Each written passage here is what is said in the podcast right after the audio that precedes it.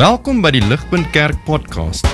As Ligpunt Gemeente is dit ons begeerte om God te verheerlik deur disippels te wees wat disippels maak en 'n kerk te wees wat kerke plant. Geniet hierdie week se preek.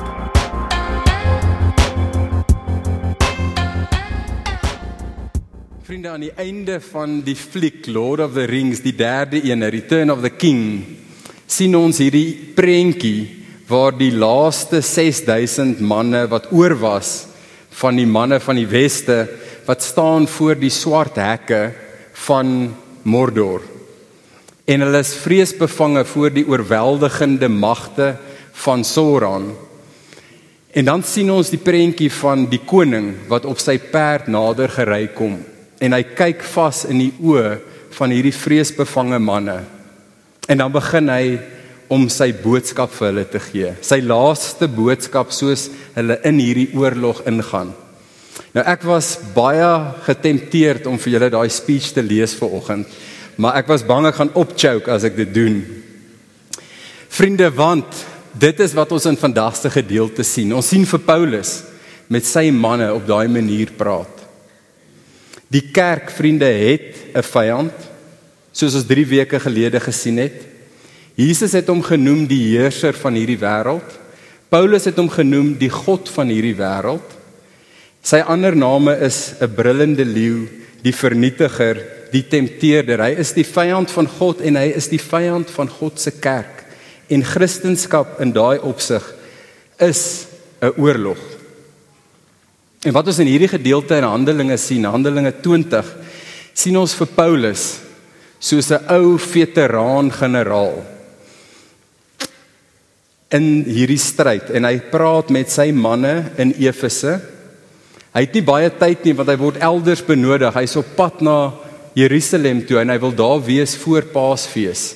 Maar hy stop by die hawe stad van Miletus en hy laat hierdie ouderlinge haal sodat hy vir hulle hierdie finale boodskap, sy laaste boodskap aan hulle aangesig tot aangesig kan gee. En dis die boodskap wat ons ver oggend wil kyk na vriende. So ek wil vra dat julle julle blaadjies by julle sal hou of julle Bybel sal oophou by hierdie teksgedeelte want ons gaan saam hierna kyk aan die hand van 3 punte. Julle kan dink daaraan in terme van 3 konsentriese sirkels. Die eerste punt is in die middel. Dis soos die son waar rondom die hele sonnestelsel beweeg. Of jy kan dink soos dis soos die bull's eye in 'n veerpyltjie word.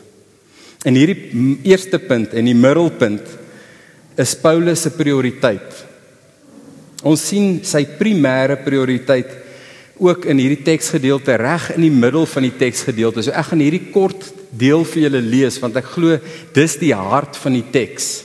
Daar in vers 28 se tweede halfte sê hy vir hierdie ouderlinge van Efese care for the church of God, which he obtained with his own blood. Vriende, die gesondheid en die groei van die kerk was Paulus se primêre prioriteit. Dit was die middelpunt van Paulus se sonnestelsel gewees. En hoekom? Daai teksgedeelte sê dit want dit was toe God se kerk en dit is vandag nog God se kerk. Nee, die kerk die kerk was nie Paulus se nie. Dit was geen mense nie. Paulus het besef die kerk is God se nie en God het die kerk gekoop ten duurste, nê. Dit sê in daai gedeelte hy het dit gekoop met die kosbare bloed, sy eie kosbare bloed, die bloed van sy seun Jesus. Vriende vir my en vir jou mag ons baie keer voel asof kerk ons niks kos nie. Nee, ons kom hier by mekaar. Ons kan die oggend saam geniet. Maar ons het nodig om te onthou dat vir God het kerk, hierdie wat ons ver oggend saam geniet, hierdie voorreg het vir hom alles gekos. Hy het die duurste van pryse betaal. Hy het sy kosbaarste geskenk, sy kosbaarste besitting as 'n geskenk gegee sodat ons hier by mekaar kan wees ver oggend. En dit is hoekom dit Paulus se prioriteit was. Die kerk is nie net 'n prioriteit vir God nie. Die kerk is die punt van God se hart. Sy woord beskryf die kerk op so baie maniere vir ons om die kosbaarheid daarvan uit te beeld. As asof ons dit beter moet verstaan met al die beelde wat gebruik word. Die woord praat van hierdie kerk wat ons ver oggend saam geniet as die liggaam van Jesus. Jesus is die kop, ons is sy liggaam. Hy praat van ons as sy familie, as sy kinders wat deel vorm van die ewige familie van God. Hy praat ook van die kerk in terme van hierdie wat die tempel van God is. Hierdie is die plek waar God se teenwoordigheid gevoel kan word, ervaar kan word en waar die wêreld 'n prentjie moet kan kry van wie hierdie God is wat ons aanbid. Maar die ander taal wat gebruik word vir die beskryf van die kerk is dat dit God se rykdom is. Dat dit sy skat is, dat dit sy erfporsie is vir alle ewigheid. Paulus skryf jare later uh, aan hierdie selfde kerk in Efese toe hy in die tronk was in in uh, Rome. En hy skryf in hierdie brief en hy gebruik die beeld van die kerk as die beeld van 'n bruid en Jesus wat die bruidegom is. En hy praat van God se gevoel oor die kerk soos 'n man se gevoel oor sy vrou, sy bruid in 'n perfekte huwelik. Die woorde wat hy gebruik is dat God versorg en koester hierdie kerk wat hy gekoop het, hierdie kosbare skat. En Paulus se groot begeerte in hierdie brief aan die kerk in Efese is dat hulle moet verstaan en begryp hoe kosbaar en hoe groot hierdie rykdom van God in sy kerk is dat die rykdom van God in die kerk is sy glorieryke erfenis en dat die kerk is waar die volheid van God se teenwoordigheid is. Vriende, ek wonder of ek en jy die kerk in so hoe groot glorieryke lig sien vir oggend. Ons kyk so dikwels na die kerk en ons sien mense wat ver van perfek is Ons sien mense wat sondes het, wat probleme het buite die kerk, maar binne in die kerk sien ons probleme en ons sien sondes hier uitspeel. En as jy soos ek is, dan dink jy soms soos jy kyk na die kerk dat dit lyk maar redelik onindrukwekkend. Vriende, maar dan het ons nodig om hierso te onthou dat dit geen nie regtig om hoe ons die kerk sien nie. Wat omgee is hoe sien God sy kerk, sy diergekoopte skat. En God kyk op 'n heeltemal ander manier na die kerk. As hy kyk na ons, soos ons vanoggend hier bymekaar kom, dan sien hy sy rykdom. Hy sien sy skat. Hy sien sy erfenis wat hy ten duurste gekoop het om vir alle ewigheid te geniet. Vriende, ek wonder ook of die manier waarop ons kerk sien nie dikwels ook die rede is vir die los en vas manier waarop ons kerk hanteer nie. Die feit dat kerk vir ons dikwels 'n nice to have is, maar dis nie die son in ons sonnestelsel nie.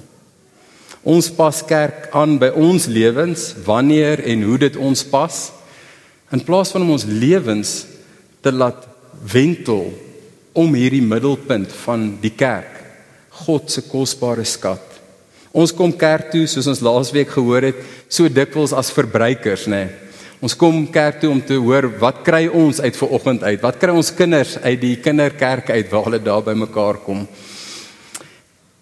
In plaas van dat ons kom om te sê wat bring ek na God se skat toe? Wat bring ek na God toe en na sy mense? Wat kry hulle uit die feit dat ek hierso is ver oggend? Ons is dikwels vinnig om kerk te kritiseer en ek is skuldig hieraan soos ek hier voor julle staan. Ons is vinnig om te kritiseer amper asof ons op 'n afstand staan van die kerk, nê, nee, asof dit apart is van ons. Asof ons vergeet dat ons is deel van die kosbare mense van God wat hy met sy eie bloed gekoop het. Vriende, maar vir Paulus was God se hart die kerk, die appel van sy oog, die punt van God se hart, die primêre prioriteit van sy lewe. Ons sien daar in vers 24 waar hy sê but I do not account my life of any value nor as precious to myself, if only I may finish my course and the ministry that I received from the Lord Jesus. Sien om om te sien na die gesondheid en die groei van die kerk was Paulus se lewe gewees. Dis waarvoor hy homself geïnvesteer het. En dit bring ons by die tweede punt uh van vanoggend se tydjie in hierdie gedeelte in Handelinge. As die eerste punt die middel van hierdie teks is, maar ook die punt van God se hart, dan's die tweede punt Paulus se opdrag vir hoe sorg ons vir hierdie kerk se gesondheid en groei. So die tweede punt is Paulus se opdrag vir die omsien van God se hart. Weerskante van daai tweede helfte van vers 28 sien ons Paulus se opdrag. In die begin van vers 28 en vers 29 en 30 gee hy 'n opdrag aan die geestelike leiers van daai plaaslike gemeente in Efese oor hoe hulle moet kyk en moet omsien na hierdie skat en rykdom van God. Maar voor ons kyk na die opdrag, kom ons kyk net vir 'n oomblik aan wie hy hierdie opdrag gee. sien Paulus praat met die ouderlinge van Efese in vers 20 en hy praat met die herders net 'n ander woord overseers in vers 28 so wie was die ouderlinge en wie was die herders geweest? Wel hulle was dieselfde groep geweest. Paulus gebruik net twee verskillende woorde om hulle te beskryf en ons sien in die Nuwe Testament hierdie plat struktuur van hoe die kerk gewerk het ons het ledemate gehad en dan het ons ouderlinge gehad wat verantwoordelik was vir die omsien van die geestelike groei en gesondheid van die kerk. Nou dis belangrik om hier te noem as jy hoor hy praat van ouderlinge dan is dit altyd in die meervoud. Nee, so daar's altyd 'n pluraliteit van ouderlinge gewees en dis baie belangrik vriende want binne in 'n pluraliteit is daar veiligheid, nê. Nee.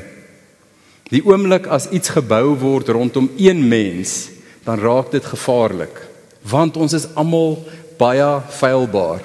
Ons het almal sonde wat so maklik na vore kom en as dit van een man afhang, is dit gevaarlik. So in 'n pluraliteit van ouderlinge is daar veiligheid want daar's wederwysige verantwoordbaarheid.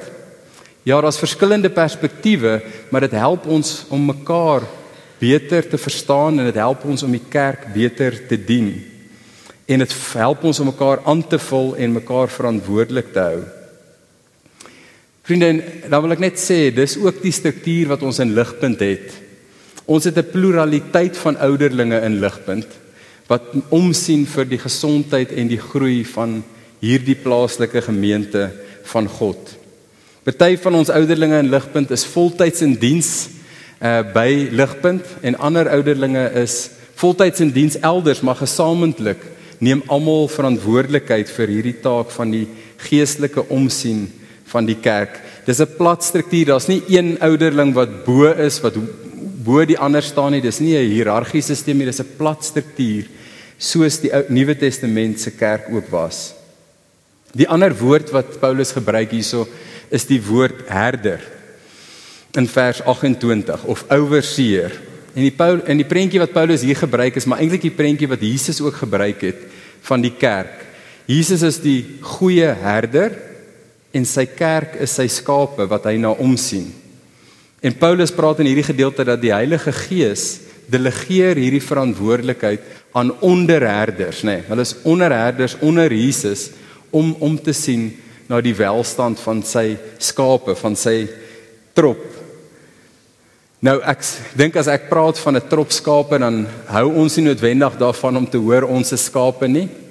Maar ehm um, die rede daarvoor is omdat 'n trop skape is 'n trop skape vir ons. Maar as jy in die Ou Testament en in selfs die Nuwe Testament tyd waarin hierdie geskryf is uit 'n herder se oogpunt kyk na skape, dan dink jy heeltemal anders oor hulle. Dan was skape jou rykdom en dit was jou skat gewees. Geen wonder in Jesus se storie in Lukas 15 waar hy vertel van die herder wat 100 skape gehad het en toe een weggaan toe hardloop hy agter daai skaap aan en hy gaan soek hom.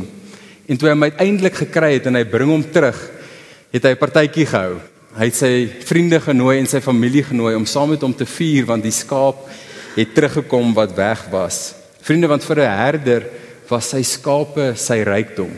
Dit was sy skat, dit was sy spaarrekening en sy lewenspolis en sy uitreaniteit en sy versekering wat op vier bene rondgeloop het. En dis die prentjie wat ons moet hê as ons hoor God praat van sy kerk as sy trop skape. Want God se skape is sy rykdom. Dis sy skat, dis sy erfporsie wat op twee bene rondloop gesamentlik as 'n groep mense wat hy vir homself gekoop het. Maar as jy herder was, dan was skape nie net kosbaar vir jou nie. Jy het ook geweet skape is baie kwesbaar. Dien 'n skaap het nodig dat daar deurlopend gesorg word vir hulle. Hulle moet veilig gehou word, hulle moet die regte kos kry, hulle moet na die regte weivelde gelei word sodat hulle gesond kan wees en dat hulle veilig kan wees. So hoe sê Paulus moet daar gesorg word vir die skape in God se kerk. Wel in die eerste plek in die begin van vers 28 sê dit daarso die ouderlinge moet kyk na hulle self. Hy sê pay careful attention to yourselves. Tot tot die dag wat ons doodgaan en die, of Jesus ons kom haal, gaan ons 'n vyand hê buite ons, die duiwel, Ons gaan 'n vyand binne in ons hê, ons eie sondige natuur waarteen ons moet stry, waarteen ons moet veg. Jeremia 17 sê die hart is bedrieglik bo alle dinge. So ligpunt vir ouderlinge en vir geestelike leiers is dit so ontsaglik belangrik dat ons moet onthou hoe kwesbaar ons is vir sonde. Daar is 'n subtiele slaggat wat geestelike leiers so maklik intrap wat gepaard gaan met trots dat as jy in hierdie posisie is om verantwoordelikheid te neem dat mens begin dink dat jy minder kwesbaar is vir sonde. En dis die begin van 'n baie gladde slippery slope na 'n groot val. Want vriende, die oomblik as jy dink jy is minder afhanklik van God, minder afhanklik van sy kerk, dan beteken dit jy maak reg vir 'n val.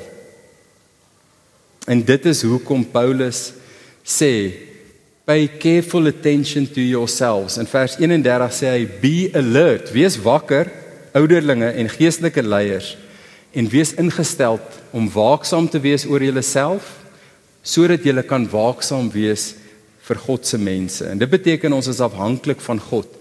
Nou die taak wat hy hiervan praat vir die ouderlinge en hulle omsien van die kerk is 'n dubbele taak. In die eerste plek is dit die versorging van die tropskape en in die tweede plek is dit om hulle te beskerm, om hulle veilig te hou. Uh so dis 'n positiewe en 'n negatiewe ding taak wat hulle het. Die positiewe taak is dat hulle die regte kos en versorging moet gee vir hierdie tropskape van God. Dis 'n gebalanseerde en 'n gesonde en 'n gereelde bediening van God se woord. En dan aan die negatiewe kant wat hulle moet doen is hulle moet waak teen gevare, nê. Nee. En daar vers 29 en 30 noem hy dit. Hy sê I know that after my departure fierce wolves will come in among you, not sparing the flock. And from among your own selves will arise men speaking twisted things to draw away the disciples after them. Sien hy sê hierso vir die ouderlinge weet dat daar is gevaar. Die groot gevaar, die woord hy gebruik is people who speak twisted things. Nee, met ander woorde die gevaar is dat daar verkeerde lering, verkeerde insette en invloede in die kerk gaan inkom wat ons gaan wegvat van die woordgesentreerde evangelie verkondigende gemeenskap wat God bedoel het ons moet wees. Maar die gevaarlikste ding wat hy hierso noem is dat hy sê van dit gaan selfs in die leierskap gebeur. Dis nou die letterlike wolf in skaapsklere nê. So hy waarsku hulle en sê selfs onder julle gaan daar mense wees wat skewe waarhede gaan bring om die trop skape van God te probeer weglei. Vriende en ons as ouderlinge by Ligpunt wil werklik verantwoordelik wees in die taak wat die Here op ons gelê het om te sorg vir die gesondheid en groei van hierdie kerk. Ek kan julle verseker as een van die ouderlinge dat dit is ons hart verligpunt. Is die gesondheid en die groei van hierdie kosbare mense wat God met sy duur bloed gekoop het vir homself. Ons besef dat hierdie is God se hart. Dis sy rykdom. Ons besef dat ons maak baie foute. Ons is nie vrygestel van sonde en foute nie. En ons moet bely dikwels dat ons die groot herder nodig het, dat ons sy wysheid nodig het, dat ons sy leiding nodig het in hierdie werk wat ons ook voor verantwoordelikheid neem. Maar ligpunt kan ek julle ook vra op hierdie punt. Bid vir die ouderlinge van ligpunt. Bid vir hierdie ouderlinge wat moet sorg vir die gesondheid en die groei van hierdie plaaslike gemeente van God. Dis sy kerk. Dis sy kosbare skat. En ons wil seker maak dat ons almal gesamentlik werklik omsien daarna soos hy wil hê. Vriende, dit bring my by die derde punt. So as die son in ons sonnestelsel die punt van God se hart is, die feit dat hierdie sy mense is wat hy gekoop het. En die volgende punt is die feit dat Paulus 'n opdrag gee vir die geestelike leiers om te sorg vir hierdie kerk. Dan sien ons in die derde punt vanoggend Paulus se voorbeeld van hoe hy gesorg het vir God se hart, vir God se mense. Ons sien dit weerskante van hierdie opdrag voor vers 28 en na vers 30 sien ons hoe Paulus die ouderlinge herinner. Hy sê vir hulle onthou hoe ek saam met julle gelewe het vir 3 jaar lank. Onthou hoe julle gesien het ek my lewe saam met julle geleef het. En daarin kan hulle 'n prentjie kry van hoe dit lyk om vir die kerk te versorg. Paulus sê op 'n ander plek in 1 Korintiërs 11 sê hy hierdie woorde. Hy sê be imitators of me as I am of Christ. So Paulus was nie bang om vir die kerk, almal in die kerk te sê volg my voorbeeld want ek volg Jesus se voorbeeld. En dis is wat hy hierso doen met hierdie ouderlinge. Nou ons sien hoe hy vir hulle herinner aan die tyd wat hy saam met hulle deurgebring het. Vriende, want ons het baie keer kan ons die regte teologie hierso hê. Ons kan selfs die regte woorde uit ons mond laat kom, maar ons lewens kan radikaal uitpas uit wees met hierdie waarheid van die evangelie en God se woord. So ek wil na Paulus se voorbeeld kyk wat hy vir hierdie leiers aan herinner aan die hand van die 4 punte wat ons oor die afgelope paar weke na gekyk het hier in Ligpunt. Die feit dat ons 'n woordgesentreerde gemeente wil wees, dat ons evangelie verkondigend wil wees, dat ons 'n versorgende gemeenskap wil wees en dat ons 'n biddende gemeenskap van gelowiges wil wees. So in die eerste plek sien ons Paulus se voorbeeld en hoe hy totaal en al toegewyd was aan die sentraliteit van die evangelie en om dit te verkondig. Vir Paulus was die goeie nuus van Jesus die enigste manier waarop jy in God se koninkryk kon inkom en waarop jy kon deel word van hierdie kerk. En dis nog steeds die waarheid vandag 2000 jaar later. Want vriende, die goeie nuus van Jesus, soos ons vroeër gesing het, is die feit dat Jesus het daai lewe wat ek en jy nie kan lewe nie, die lewe wat sondeloos is, wat perfek is, wat in elke opsig vir God goed en aanneemlik is, het hy namens ons geleef. Hy het in elke ding God verheerlik in sy lewe en hy het dit namens ons gedoen, maar hy het meer as dit gedoen, vriende. Hy het die dood wat ons sondes verdien op homself geneem aan die kruis. Hy het die straf, die hel wat ons verdien as gevolg van ons rebellie teenoor hom, het hy in sy eie liggaam aan die kruis absorbeer. Soos hy daar sy lewe vrywilliglik opgeoffer het. Vriende, en deur sy opstanding uiteindelik 3 dae later uit die dood uit, het hy ons vrygemaak van die dood en die oordeel van die dood sodat ons in kon kom in die familie van God as sy kinders as sy kerk. Dis die goeie nuus, dis die evangelie wat Paulus verkondig. Nou vriende, as daar enige iemand hierso is wat vanoggend wonder of jy al daai evangelie glo of wonder of jy werklik deel is van God se mense. Dan wil ek jou vra, kyk saam met my na Paulus se woorde daar in vers 21. Hierdie is die evangelie wat Paulus verkondig het. Hy sê: "Bekeer julle van sonde teenoor God." Dis die eerste stap om deel te word van God se mense. Ons draai na God toe en ons bely ons sonde. Ons lê dit neer en dan draai ons na Jesus toe in geloof. En ons vertrou hom vir sy lewe wat hy namens ons gelewe het, vir sy dood wat hy namens ons gesterf het en vir die liefde en genade wat daar in hom is. Paulus noem daarso van die evangelie van die genade van God. Vriende, want dit is genade. Hy het sy lewe vir ons gegee in ons plek. So dit gee nie om watter sondes daar in jou lewe is of was nie. Jesus se vergifnis is genoeg. Sy genade is groot genoeg om elke een wat na hom toe kom te versoen met God. Maar vriende, ons sien ook vir Paulus was die verkondiging van hierdie goeie nuus, die verkondiging van hierdie evangelie nie net die manier waarop jy in God se koninkryk kom nie. Dit was ook die manier waarop God se mense gesond bly en waarop God se mense groei Ons sien daar in vers 32 waar Paulus sê dat die woord van God se genade, die goeie nuus van Jesus, is dit wat ons kan opbou in ons geloof tot volwassenheid en wat ons uiteindelik sal bring tot die erfporsie wat ons in is saam met al die ander gelowiges wat geheilig word deur God se woord. So die evangelie kry ons in die koninkryk in, maar die evangelie is ook die krag en die petrol vir die lewe as 'n Christen. Ons groei nooit verby die evangelie nie, vriende. Ons groei net dieper in die evangelie in. Dit dis die begin van die Christenlewe en is die pad van die Christenlewe en dis die einde van die Christenlewe.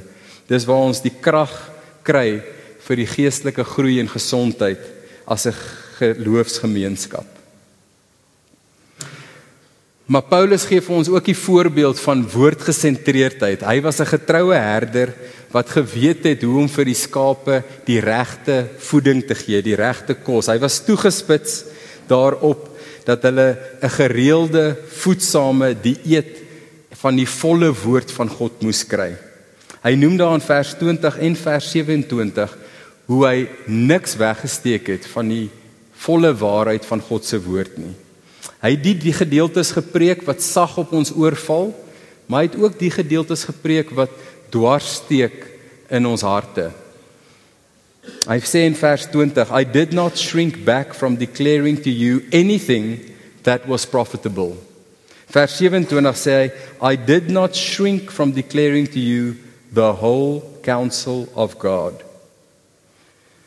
Sien vriende vir 'n sondige wêreld is dit dikwels ongemaklik om te wees onder die lig van God se woord. Maar dis nie net vir die wêreld nie, dis baie keer vir ons as sy mense, soos ons onder God se woord sit en ons die lig van sy woord sien skyn in die donker hoeke van ons lewe, is dit vir ons ook dikwels ongemaklik. Maar dis 'n goeie tipe ongemaklikheid, nê, want ons weet ons lewe in 'n wêreld wat 'n denkwyse en 'n waardesisteem het wat radikaal anders is as die Bybelse wêreldsiening. Ek gaan vir ons een voorbeeld noem net om dit te illustreer en dis in die wêreld van seksualiteit. Jesus en God se woord maak dit duidelik dat hy die huwelik gemaak, hy het dit ingestel as 'n instansie tussen een man en een vrou. En dat dit die plek is waar sy goeie gawe van seks voorbedoel is. Dis nie bedoel vir voor die huwelik nie. Dis nie bedoel buite die huwelik nie en dis ook nie bedoel buite God se ontwerp vir die huwelik tussen een man en een vrou nie. Nou vriende, daai eenvoudige boodskap in vandag se wêreld, maar selfs in Paulus se wêreld is onaanvaarbaar vir die wêreld waarin ons lewe. Vriende, maar eh, dit is selfs onaanvaarbaar in baie kerke om daai waarheid te verkondig van God. Maar ons glo dat God die skepper is, dat hy goed is, dat hy die handleiding geskryf het vir hoe ons die beste werk en dat wat hy aanbeveel is goed vir ons, maar is ook tot eer van sy naam. So vriende, ek wil vir julle sê ook as ons hierso in ligpunt nie nou en dan ongemaklik gaan voel onder God se woord nie, dan is ons nie besig om soos Paulus die volle waarheid van God se woord te verkondig nie. God se woord het hierdie manier om ons te vertroos en vir ons te wys hoe lief God ons het, maar dit het ook 'n manier om ons te wys hoe sondig ons is en hoeveel ons nog nodig het om in lyn te kom met sy roeping op ons lewe en in lyn te kom met sy woord. Vriende, en Paulus het nie teruggeduins in die aangesig van teenstand nie. Hy het dit verwag en waar hy gekom het het hy teenstand gekry van buite, maar hy het meeste van sy teenstand gekry binne in die kerk omdat hy die volle waarheid van God verkondig het. Hoor dan vers 26 en 27 wat sê hy vir hulle? Hy sê vir hulle: "Therefore I testify to you this day that I am innocent of the blood of all. For I did not shrink from declaring to you the whole counsel of God." Sy Paulus sê sy gewete is skoon. Hy het niks van God se woord nie verkondig nie aan die kerk nie. Hy het alles vir hulle voorgehou al was dit met teenstand. Nou ons sien in hierdie gedeelte dat Paulus verkondig die woord die volle boodskap, met ander woorde nie net 'n halwe boodskap nie, nie net wat mense wil hoor nie, maar hy verkondig dit ook aan almal. Hy's nie eksklusief nie, nee, hy's inklusief. Dit sê hy verkondig dit aan Jode, aan Grieke. Hy verkondig dit oral. Hy verkondig dit in die publiek. Hy verkondig dit van huis tot huis en dag en nag. So Paulus het 'n volledige werk van sy taak verrig, nê. Nee, Hy's 'n man wat eenoogig volledig toegewyd en met 'n vuur in sy binneste hierdie woord verkondig het. Hy sê in vers 24: "But I do not account my life of any value nor as precious to myself if only I may finish my course and the ministry that I received from the Lord Jesus to testify to the gospel of the grace of God. En as Paulus sy eie lewe vat en hy weeg dit op teen die belang van die woord van God, dan is die woord baie swaarder. Dit weeg sy lewe ver uit. En dit sien ons in die manier hoe Paulus sy lewe neergelê het vir die kerk. En dit bring my by die versorgende voorbeeld wat Paulus vir hierdie herders aan herinner. Hy herinner hulle aan sy lewe tussen hulle as 'n prentjie van hoe 'n onderherder sorg vir sy mense. Hy begin deur te sê hulle het nodig om te onthou hoe hy hulle gedien het in totale nederigheid. Nou in 'n wêreld wat gewoond is aan hiërargiese leierskapstrukture waar dit dikwels gebou word 'n kerk selfs gebou word om, om die charismatiese gawes van een of twee leiers kom Paulus en hy herinner hulle aan hoe hy tussen hulle gelewe het en dat dit glad nie so was nie. Hy sê you yourselves know how I lived among you the whole time from the first day that I set foot in Asia serving the Lord with all humility. Die Paulus het geweet hy's 'n onderherder Daar was nie ruimte vir trots nie want hy was maar net besig om die groot goeie herder te verteenwoordig aan die kerk. En as leiers en as ouderlinge en hierso preek ek vir myself en vir elke ander geestelike leier hierso het ons nodig om te vlug van trots af na die nederige diensbaarheid wat ons in God se kerk voorgeroep is. Maar Paulus versorg ook binne in innige verhoudings. Ons het laasweek gehoor toe Johan gesê dat versorging vind plaas binne intieme nabye verhoudings. En 'n goeie herder ken sy skape by naam, nê? Nee.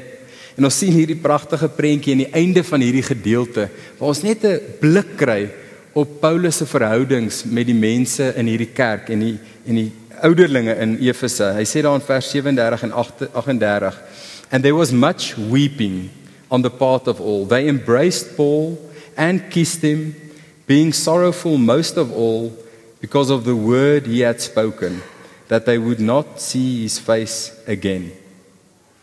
Dis 'n mooi prentjie van die verhouding wat Paulus met hulle gehad het. Nee, hierdie ouderlinge was diep hartseer vir die gedagte dat hulle dalk nie weer vir Paulus gaan sien nie.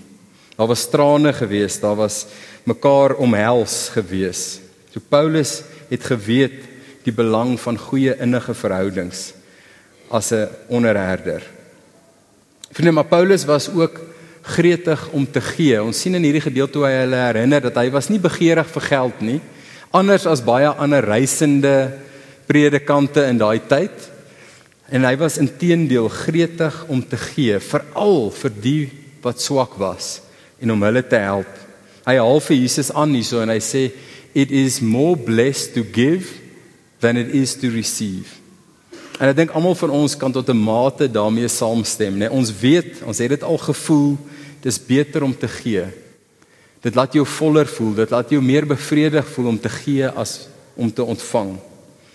En daar's 'n manier wat ek dink hierdie eintlik Paulus se lese was, sy lewenslese. Want hy het sy lewe neergelê vir die gesondheid en die groei van die kerk. Tot 'n groot mate is dit maar eintlik net die voorbeeld van Jesus wat hy nagejaag het. Vriende, dan bring dit my by die laaste van hierdie punte en dis die feit dat Paulus 'n biddende voorbeeld vir hierdie ouderlinge aan herinner. Paulus was toegewyd tot die gesondheid en die groei van God se kerk en hy het dit nagejaag met al sy krag. Maar op die einde van die dag het hy geweet dat hy was afhanklik van God in gebed om daai werk te doen. Ons sien daar in vers 36 hoe Paulus hierdie ouderlinge nader roep en nader bring en hoe hulle saam op hulle knieë gaan en hoe hulle bid. En ons sien die inhoud van sy gebed net voor dit in vers 32 waar hy sê And now I commend you to God and to the word of his grace, which is able to build you up and to give you the inheritance among all those who are sanctified. Vriende van op, want op die einde van die dag is dit die krag van God en sy evangelie wat die kerk gesond hou en laat groei. En dis in gebed wat ons erken dat ons het sy krag nodig. Ons het sy werk nodig in hierdie gemeente van Ligpunt om die gesondheid en die groei werklik te laat voortspruit. En ons erken dit in gebed saam met ander gelowiges in afhanklikheid dat hy ons sal heilig maak as gelowiges gesamentlik en ons sal voorberei vir die erfporsie wat ons gaan geniet saam met al die ander getroue kerke in die wêreld oor alle tye. Ligpunt, ek gaan vir ons afsluit en ek wil vra dat ons afsluit op dieselfde manier wat Paulus ook hierdie gesprek met die ouderlinge in Efese afgesluit het in gebed.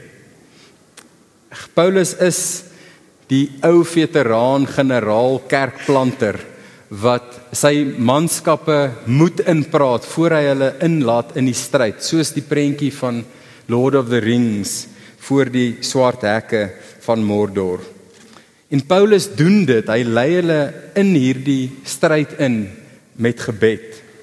Want op die einde van die dag is dit 'n oorlog vir die gesondheid en die beskerming en die groei van God se kosbare kerk wat hy gekoop het vir homself ten duurste.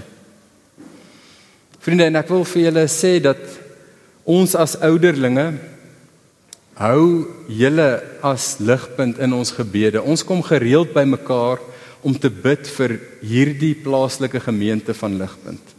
Om te bid vir die geestelike leiers in ligpunt, om te bid vir die personeel, maar om te bid vir elke lidmaat en elke nuwe persoon wat kom besoek aflewer hierso. Dat die Here hierso 'n werk sal doen om ons terug te bring na die dinge wat van eerste belang is. Want ons is almal gewikkel in 'n stryd. As ouderlinge is ons feilbaar en ons is kwesbaar. Ons het God se woord nodig en sy genade nodig, soos elkeen van ons dit nodig het elke dag. So ek wil aan die hand daarvan ook vir julle vra soos ons afsluit, bid vir ons. Die woord sê bid ook vir julle ouderlinge, bid vir die geestelike leiers dat ons getrou sal wees om ons lewens neer te lê vir die gesondheid en die groei van hierdie kerk. Dat ons sal waaksaam wees vir sonde. Dat ons sal waaksaam wees eerste vir onsself en tweedens ook vir die gesondheid van die gemeente in Ligpunt. Want op die einde van die dag wil ons werklik sien dat ons 'n gemeente sal wees waar hierdie tekens van lewe, dat ons woord gesentreerd is, dat ons 'n biddende geloofsgemeenskap is, dat ons evangelie verkondigend is en dat ons 'n versorgende gemeenskap is, dat dit toenemend sal deel word van die plaaslike kerklewe hier by Ligpunt. So vriende, soos ek nou bid vir ons en afsluit, sal julle saam met my bid vir Ligpunt en ook vir die ouderlinge en die geestelike leiers in hierdie gemeente. Kom ek bid vir ons.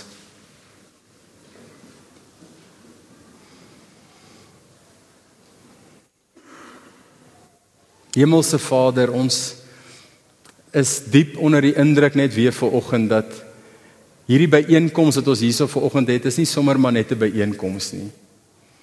Dis 'n vergadering van u mense van u skape, van u kerk wat u gekoop het ten duurste. Dat ons nie ons eie is nie, maar dat ons u sin is. U besit ons want u het ons gekoop met die duurste prys wat nog ooit betaal is.